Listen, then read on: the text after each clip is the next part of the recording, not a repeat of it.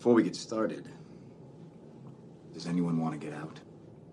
I Dig a Pygmy by Charles Hawtrey and the Deaf Aids. Phase one, in which Doris gets her oats. Rob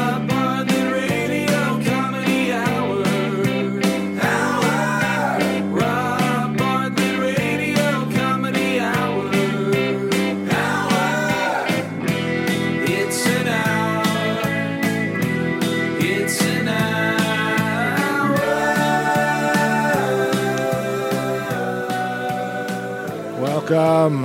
Welcome, everybody, boys and girls, to the Rob Bartlett Radio Comedy Hour.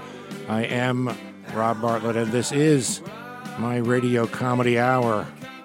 We got another great show for you this week, episode 41. Larry King will be by to talk about his recent heart surgery. It's number 37 for those of you who are keeping count. Uh, and in this week's I Remember Imus segment, stories about some of the song parodies I did when I was on the show. Uh, I might actually play a couple of clips from some of them if you stick around. And there might be a surprise or two. You never know what's going to happen here on the Rob Bartlett Radio Comedy Hour. Which is why you should be spreading the word, telling your friends and family, getting them to download, getting them to subscribe. It's not that much to ask. Seriously, you're enjoying it. Why not spread the love?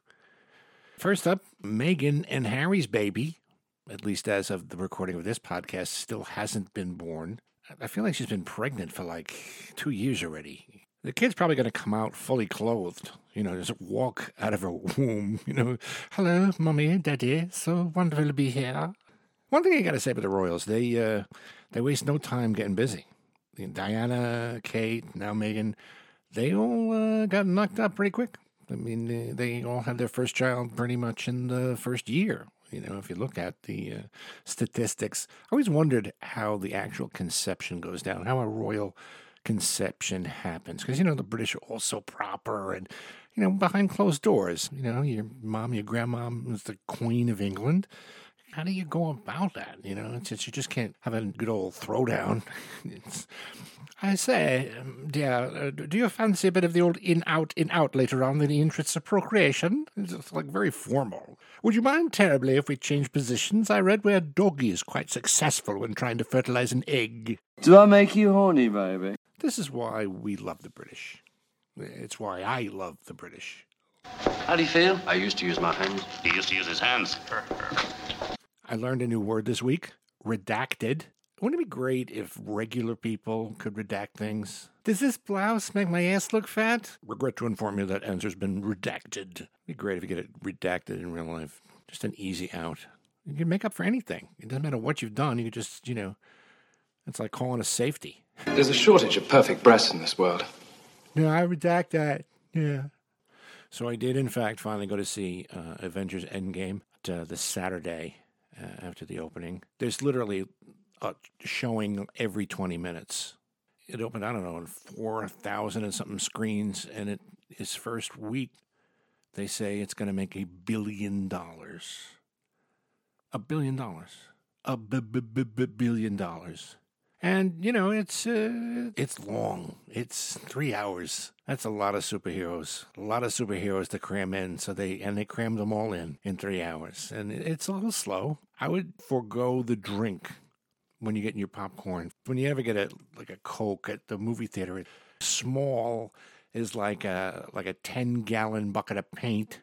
And the large is like a 55 gallon drum. You got to get an usher to help you take it to the theater. No one needs to drink that much soda. I, I, I, but you shouldn't in this movie because you're going to have to pee, and you can't really pee in this movie because you'll miss something. It's pretty good. There's a lot of a lot of people are, trying to avoid the spoilers. Marvel actually is doing their own campaign. Don't spoil the end game. I've never been one to follow rules, so let me just say this: everybody dies. Okay, I just saved you like twelve bucks. We're fighting an army of robots. And I have a bow and arrow. This week's program is brought to you by Amazon Prime, where you can get Ruthless Spectator Presents, our sketch comedy series, some of the best sketches from the Ruthless Spectator website. The first season is downloadable, streamable as we speak, and you can order the DVD. It's not even pre order anymore, it's in stock. You can order the DVDs, you can actually gift it to someone. It's a great Mother's Day gift or for dads and grads. Anybody to whom you want to give the gift of laughter. If you have Amazon Prime, it's free. So you got that going for you. So watch them. There's only three episodes, they're only a half hour each. It's a three episode season. You can binge the whole fucking thing in an hour and a half, so and and not pay for it. How hard is this? Watch it and then leave a review. Leave a nice review. We want to see how many reviews we can get because the more reviews we get, the more they will put us in the search engine things. I don't know, whatever, some ridiculous algorithm or something. But just just see it. Just just watch it. Watch it with friends. Do your own drinking game every time you realize that I look really fat, do a shot, th- things like that. It's it's a it's a lot of fun. I, wouldn't tell you if that was wasn't the case. And coming up pretty soon, uh, we're going to have another release. Ruthless Spectator presents The Real Housewives of Nazareth, which is our answer to the revelation that there was some evidence to suggest that Jesus was married. Speaking of Jesus and uh, people who were old enough to babysit for Jesus, Larry King had some uh, had some heart trouble this past week. Seeing as he's our old friend, we thought we'd actually invite him in to uh, talk about it.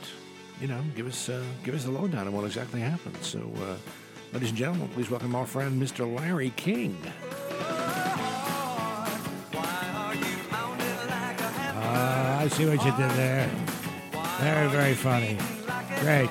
Uh, that's Yeah, that's whatever. precision. That's craft, Larry. I don't know if I'd call it craft, but uh, Before you start telling us about what happened uh, with your heart deal, do you have any uh, any words of wisdom for us? yeah, these are what I call King's things. Some of my observations, like never trick or treat at a diabetic's house unless you like popcorn. Mm, that's a good point. When life gives you lemons, take 'em because they're free. Sound advice, Larry. Never buy sushi at a 99 cent store, especially if it's in Kansas. Yeah, well, you know, hindsight's twenty twenty. Hey, is it me, or does Jimmy Fallon also make you want to shove a demi-tasse spoon into your urethra? you know, back in the day, a weekend in Cuba wasn't complete without an order of ropa vieja, a donkey show, and beating a sugarcane worker to death with his own shoes. You know, I remember a time when beating a dead horse was a euphemism for a long weekend at Chuck Connor's house. Fun fact tapioca pudding makes a great lubricant. Uh, yeah, I'm, I'm sure it does. But uh, why don't you tell us about what happened with you in the, in the heart deal? Okay. Well, I was in the hospital a couple of days ago for acute angina. Not to be confused with acute vagina, which my wife certainly has. she landscapes it, you know, grooms it in different shapes, like for the holidays pine tree Christmas, flag for the 4th of July, a heart for Valentine's Day. That's nice. My favorite is when she does the matzah for Passover. you know, just a big old square shaped thicket, throwback to 70s porn movies. oh, it's no surprise I have cardiac issues. Oh, they're not exactly issues, they're subscriptions. Mm-hmm. Because let's face it, I'm so old, the wrinkles don't even come out of my schmeckle when I get a Woodrow. my last birthday party looked like the dais at the Foley Catheter Awards dinner. Hmm. When you turn 85 and those are the only people you can get to come to your party, it's God's way of saying you might want to consider taking a bath with the waffle iron. well, it's no secret I've had enough valve jobs to make a CT scan of my heart resemble an MC Escher print. Oh, I've had more stints than Wayne Newton has had in Vegas. The other day, when I went in for a scheduled angioplasty, the chest x ray looked like a map of the Scranton Cloverleaf exit ramps off Route 80. There was some debate over whether or not I had a heart attack. Hmm. But the doctors told my wife that I had proteins in my blood, which is a normal condition for me considering I'd had two bags of pork rinds the night before. as far as I'm concerned, there are two kinds of people mm-hmm. those who like bacon and those who are wrong. Oh, that's absolutely true. But I eventually got the angioplasty. You know, that's where the doctor sticks a balloon in your artery and blows it up to remove a blockage. Yeah. Uh, and maybe it's because I was a celebrity, but for an extra 20 bucks, he twisted it into a little Scotty dog. Warren, Ohio, what do you got for Shecky Greene? Larry King, boys and girls. What a clean old man. Exactly. once again, we uh, we invite you to follow us on the Twitter at the Robio R O B I O on Twitter. We're also Robio 007 and Robio Radio Comedy on Instagram. If you want to email us, it's Robio Radio Comedy Hour at gmail.com. So there's a lot of ways that you can stay in touch. We have the Rob Bartlett Radio Comedy Hour Facebook page.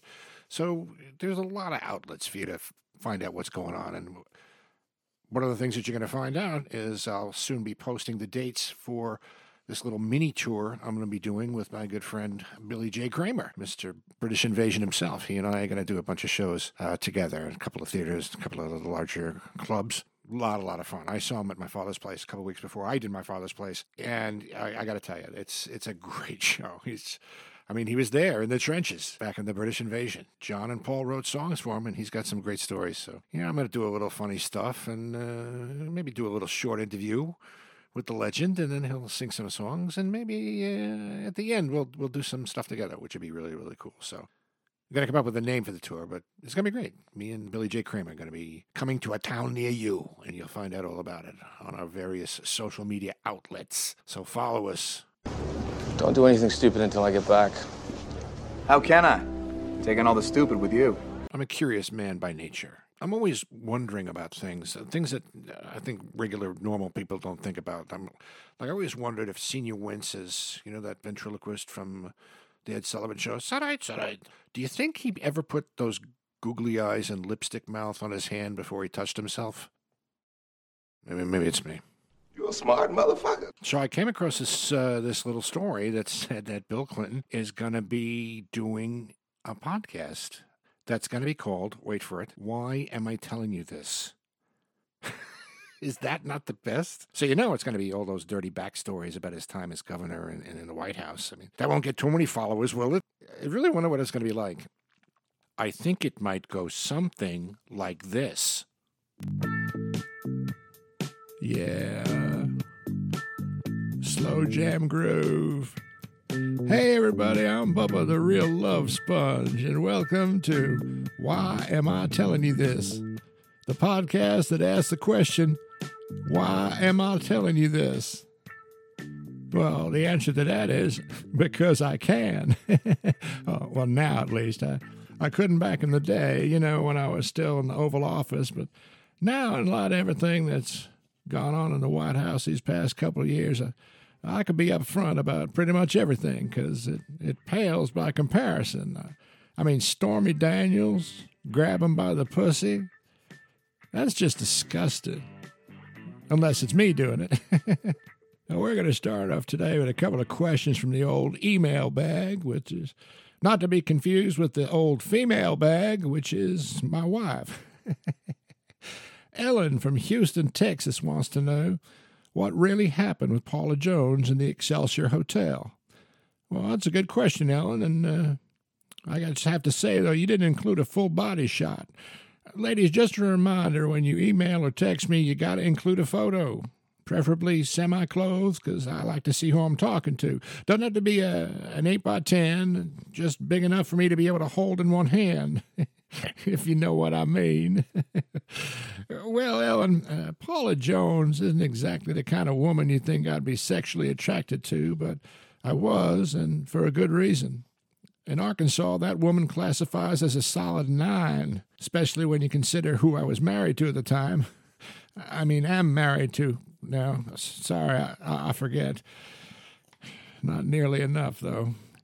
But I'm going to say this for the last time nothing happened between me and Paula Corbin Jones. Billy Paul on your Heartbreak radio station. Anyway, uh, we were in my suite, and uh, I just dropped trow, and I showed her my gubernatorial seal, and I asked her to kiss it.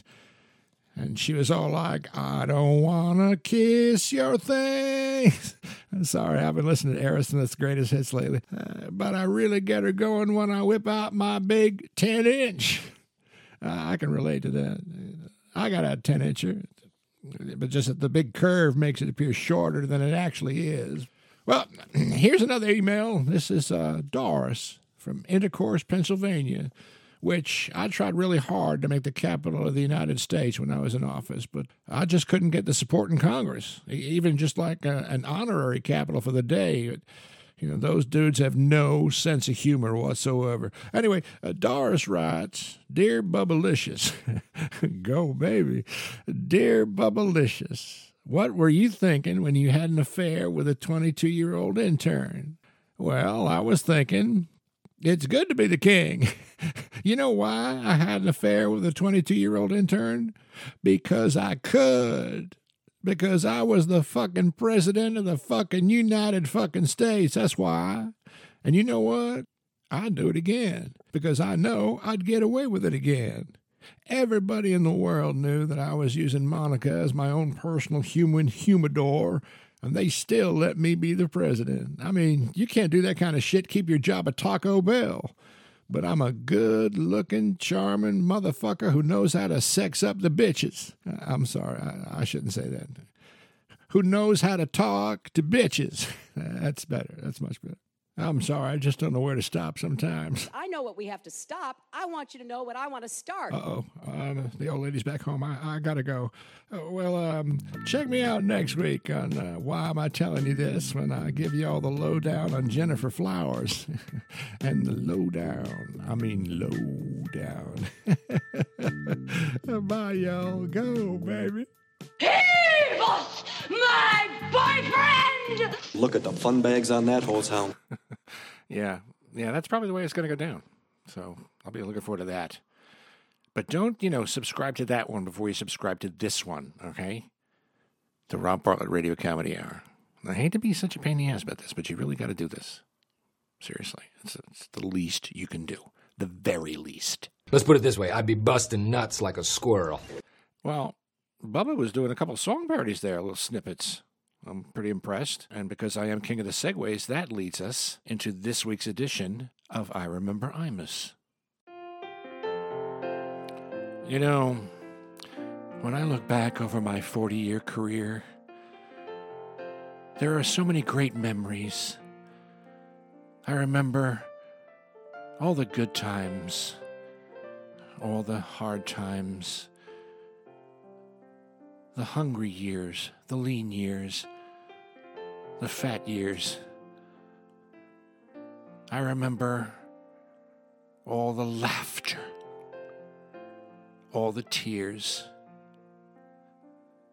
that painful rectal itch I had for a couple of months back there in the late 80s. But most of all, I remember Imus.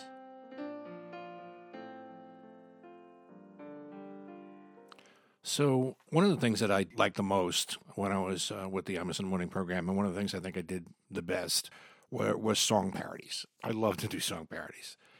I've always done music in my act, and, and when I was a kid, I, I would always do song parodies. Mad Magazine used to do song parodies, which was great. And it was just, it wasn't an actual recording. They would just put the lyrics in, and they would just say, sung to the tune of. And there were some great Mad Magazine song parodies. You know, Hello Delhi. Hello, Delhi. This is Joe Delhi. Would you please give me a nice corned beef on rye? I mean, these are the things that forms a young comedic mind. So I got this idea to do a song parody based on the Billy Joel "We Didn't Start the Fire." Pretty popular song, and and I can't remember if it was the parody of the Billy Joel song "We Didn't Start the Fire" or whether it was a parody of "I Am the Walrus." But both of them were done by Dean Krause. Uh, Dean Krause of the House of Krause. Dean Krause was my uh, accompanist uh, after Carol Goldwasser, my original accompanist, piano player, moved out to California to be a casting agent for Disney. I got Dean Krause, who used to play with Billy Joel uh, in the Billy Joel band. A great keyboard player, unbelievable musician, and he was the House of Krause, and he played when I would do my act. And the first couple of years, I think, of the Bartletts, he also played. He would do the music live for the ladies to sing their girl group songs too. But it was either one of those, and and uh, the the I am the walrus was I am the Imus, you know, I am the I man, goo goo choop, and it was all references to Imus. And we didn't start the fire was we didn't like Scott Meyer. Scott Meyer was the general manager at WFAN. It might have been that one, I think, was the first one. And it was really, again, it was just a litany of oh, all Imus stuff. You know how the original Billy Joel thing is just a whole bunch of touchstone moments in history. Well, this was like kind of a history of Imus. And I was lucky enough to have Joey DeFazio do the production on it. There were a lot of song parodies in the WFAN years, and really because it was all Bill Clinton. There was just so much great stuff to do song parodies of. There was so much material during the Clinton presidency. The shit almost wrote itself. And one of the early ones was um, and Bubba did it before. It was a me and Paula Corbin Jones. It was a it was a parody of Billy Paul, me, and Mrs. Jones. I gotta be out of office before she can testify. But if the court denies me my immunity, then Hillary will most certainly crucify me and Paula Corbin Jones. Paula Jones, Paula Jones, Paula Jones, Paula Jones, Paula Jones. Wait, had a thing going on. That was one of them. We also did a uh, a Summer Nights parody from Grease. Tell the court, tell the court, did you two both embrace? Tell the court, tell the court, did she have to use mace? Uh-huh, uh-huh, uh-huh. He's impulsive, a hideous brute. She's repulsive, how'd I think she was cute? I've been dissed throughout my crusade. I'll tell you this, I didn't get laid. Not a prude, but I know what's lewd on that, uh, oh, that Arkansas night. Weather, weather, weather, uh. Tell the court, tell the court, is it just politics? Tell the court, tell the court, can she ID your penis? Because, you know, in those days you couldn't say dick on the radio. that was, uh, I think, the great Cindy Marchionda, Cindy Bombindi, uh, one of the Bartletts, who we used a lot. The, the other Bartletts actually were doing the background on it. Mary Phillips and Laura Hawthorne and uh, CEO and president of the Bartlett organization, Miss Anastasia Barbatsoulis. They provided backup for a lot of those. Uh, a lot of those songs, and we would do them live at the remotes. So the, I remember we did one when we used to do the Tomorrow's Children's Fund radiothon from the Winter Garden. They would have us come in to do the songs live in front of whatever the audience was that would gather in front of the big stage they would put there. And and I remember, I think it was it was Denise Bokenfuso who was filling in, I think, for Cindy uh, when we did it live this particular time. And she wrote the lyrics on her hand because she didn't she had to step in at the last minute. And you could check it out on youtube but you can actually see her kind of looking down at her hand when she sings the hillary part. Uh, one of my favorites was bill and hillary i got you babe. Well,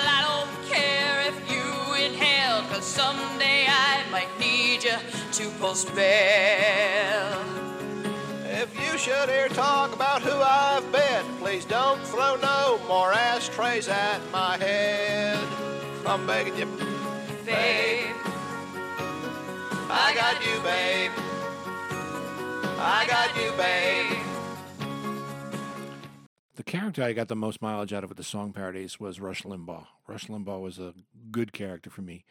We did a couple of uh, really great song parodies for him. Uh, um, that old guy, Robert Dole, to the tune of Bob Seger's That Old Time Rock and Roll.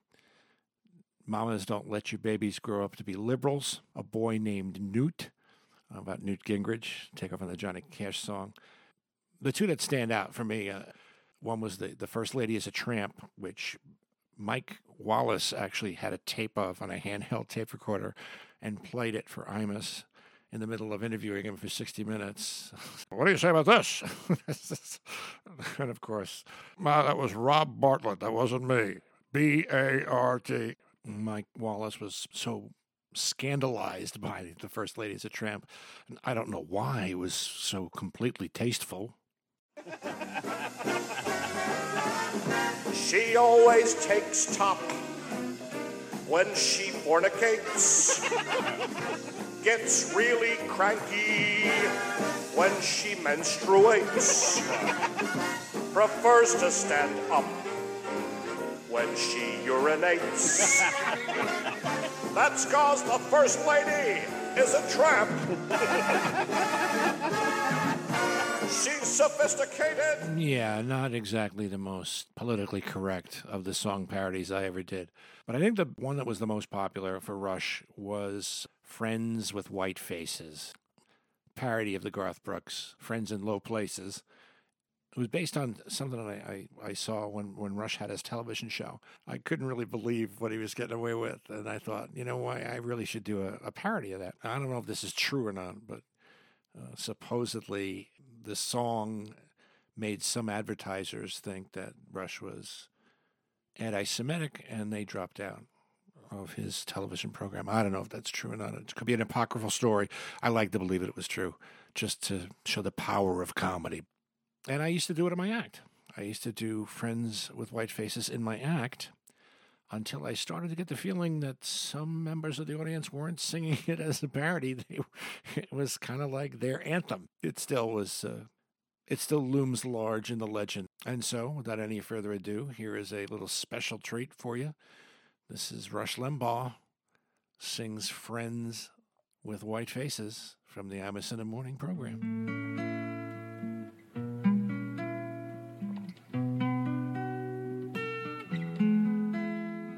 I don't care what you think, but liberals stink, and Democrats almost as lame. All those Negroes and Jews, they give me the blues. Our country's dying, and Clinton's to blame. Feminazis are wrong, and they don't belong in my conservative minded domain. But let's call a truce, stick your head in this noose, and don't let me hear you complain. Cause I like friends with white faces and a burning cross that you know chases those Jews away. Then we call it a day. Oh, we're mighty big on the master races. We wear slip on sheets and pillowcases. Oh, I like friends with white faces.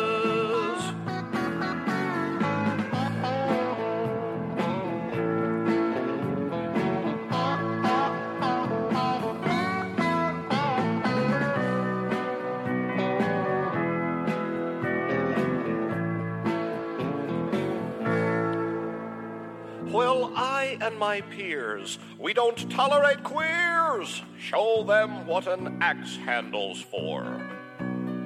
You wouldn't believe what we did to this he painted swastikas on his front door. I'm proud as can be, cause the whole EIB think I could be president someday. But I'm just a man of letters, you see, and they all spell K, K, K. Cause I like friends with white faces and a burning cross that you know chases those Jews away. then we call it a day. Oh, we're mighty big on the master races. We wear slip-on sheets and pillowcases. Oh, I like friends with white faces. I like friends with white faces. You uh, you couldn't do that these days. It was uh, pretty pretty edgy, pretty over the line. Not too subtle a point. Well, that about does it for us this week, boys and girls, here at the Rob Bartlett Radio Comedy Hour. I'd like to thank Larry King for stopping by, and of course, Bubba Clinton. And uh, don't forget the Ruthless Spectator on Amazon Prime. And uh, my good friend, British invasion legend Billy J. Kramer, and I will be back on the road this summer. Be sure to check the Rob Bartlett Radio Comedy Hour Facebook page or follow us on Twitter at the Robio, on Instagram, Robio Radio Comedy and Robio007. And and uh, you'll find out wh- where and when we'll be and how much tickets will be and all that kind of stuff. Our program is produced by Gary Grant and me, Rob Bartlett. Written by Andrew Smith and me, Rob Bartlett. Performed by me, Rob Bartlett. Rob Bartlett Radio Comedy Hour theme song composed by Gary Grant. No animals were harmed in the recording of this podcast. See you next week, boys and girls. And until then, be good to each other, won't you?